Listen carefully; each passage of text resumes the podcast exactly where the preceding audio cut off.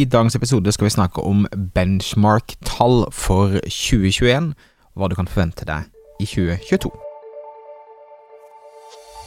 Stadig flere små bedrifter i Norge oppdager at med riktig markedsføring kan man utfordre de store, tradisjonelle bedriftene.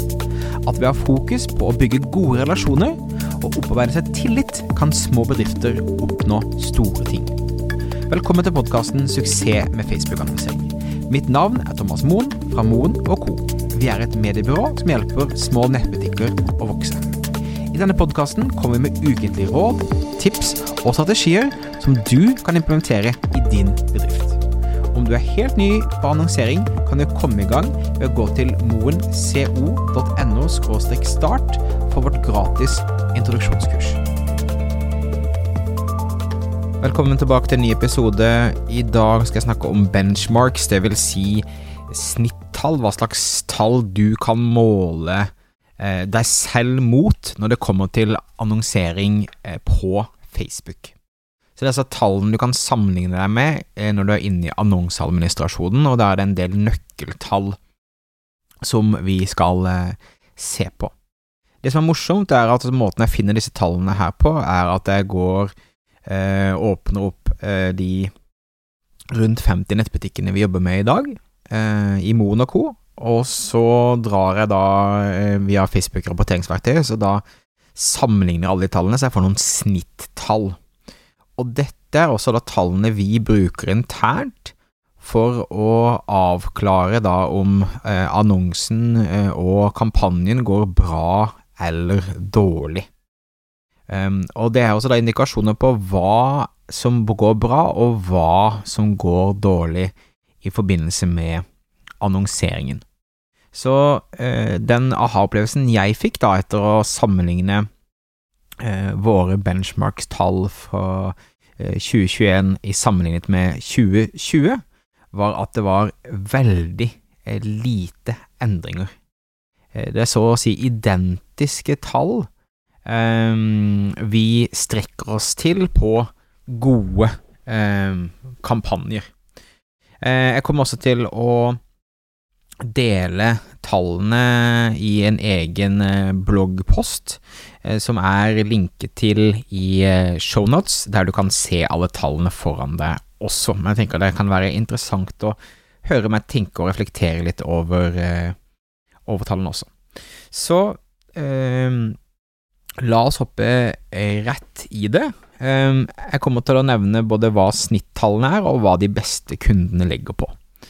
Eh, og som sagt, det du kan se for deg her, er jo at du sammenligner disse tallene for å se hvordan du ligger an. Og de to første tallene vi skal, eh, skal se på, er CPC, altså cost per click, og C-outbound CTR, altså prosenter av hvor mange som ser annonsen, som klikker på annonsen. Det er veldig viktige tall um, i forhold til å få så mange som mulig til å klikke seg inn på uh, nett, uh, nettsiden din.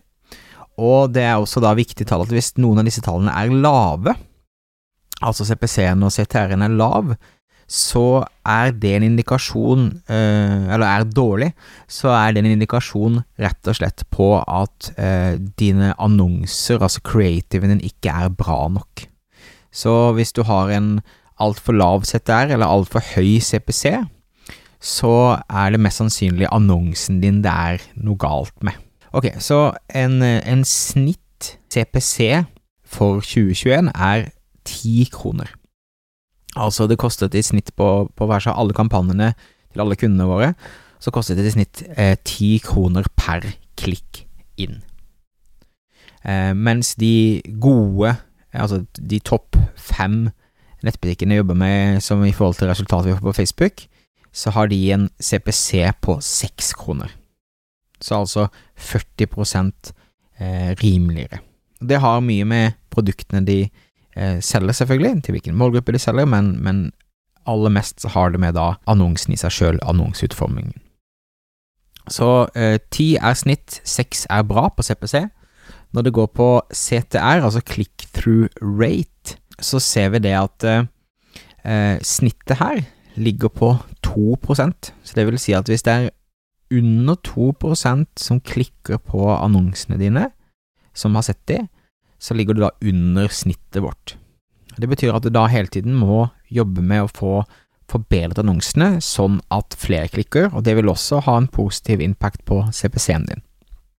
Så snittet er på to, men de, eh, de, beste kundene våre de ligger et sted mellom tre og fem, og ca. på fire i snitt. Så um, er du på to, så bør du strekke deg til i hvert fall å ha fire i CTR, altså uh, i forhold til hvor mange som klikker. Så det tallet er veldig viktig. Et annet tall, cost per landing page view, altså kost per landingssidevisning. Dette handler da eh, litt om eh, eh, hvor bra siden laster, om folk hopper ut med en gang osv. Eh, men der er snittet vårt på ti kroner per landing page view, og eh, de beste her ligger på eh, fire per landing page eh, view. Siste tallet som er relevant å snakke om for alle her, det er da CPM kost per 1000 visninger. Kost per 1000 visning er da 115 kroner i snitt.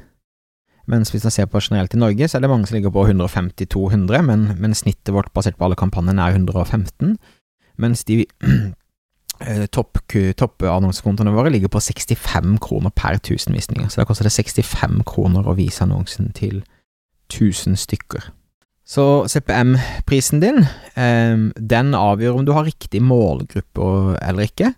Eh, for det handler da om, igjen, hvordan folk responderer på annonsen din, men det handler også da om hvem annonsen vises til. Så det er også en god ting å, eh, å se på når det kommer til, til tall, rett og slett. Så, men det er interessant, man kan liksom se mye av det. Det er som sagt det som, det som overrasket mest, er altså Eh, at eh, benchmark-tallene er ganske like for det vi hadde i eh, fjor.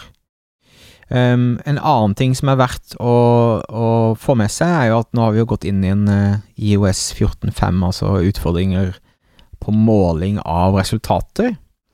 Uh, og vi ser da at ROAS-en um, har da hatt en uh, reduksjon på 45% fra fjoråret. Eh, samtidig så ser vi også da at alle landing page view-kostnader eh, har ca. lik dropp, så det, det, er også noe, en, sånn, en måte vi eh, passer på at vi har eh, riktig tall, er at eh, hvis vi mister ca. 50% av trekkingen på ROAS, Eh, og vi mister ca. 50% av trekkingen på landing page views, det, da viser det seg at det er, liksom, det er, det er tall å stole på, ikke sant, fordi at eh, da er det at UES ikke får plukket opp ca. 50% av trafikken. Det betyr også at vi ligger egentlig på ganske lik ROAS av det vi gjorde i eh, fjor. Så eh, en liten sånn nugget på slutten er at eh, sammenlignet med altså 2020 og 2021, så ser vi altså at katalogkampanjer nå leverer ekstremt mye bedre i forhold til avkastning enn generelle website conversion-kampanjer. Så det er også noe som er verdt å ta med seg. Ok, vet du hva, tusen takk for at du lyttet på. Håper du har en strålende dag. Ta gjerne og abonner hvis du, du syns at dette her eh, eh, var noe som var gøy å følge med på. Du kan også få en bonusguide av oss på moen.no bonus.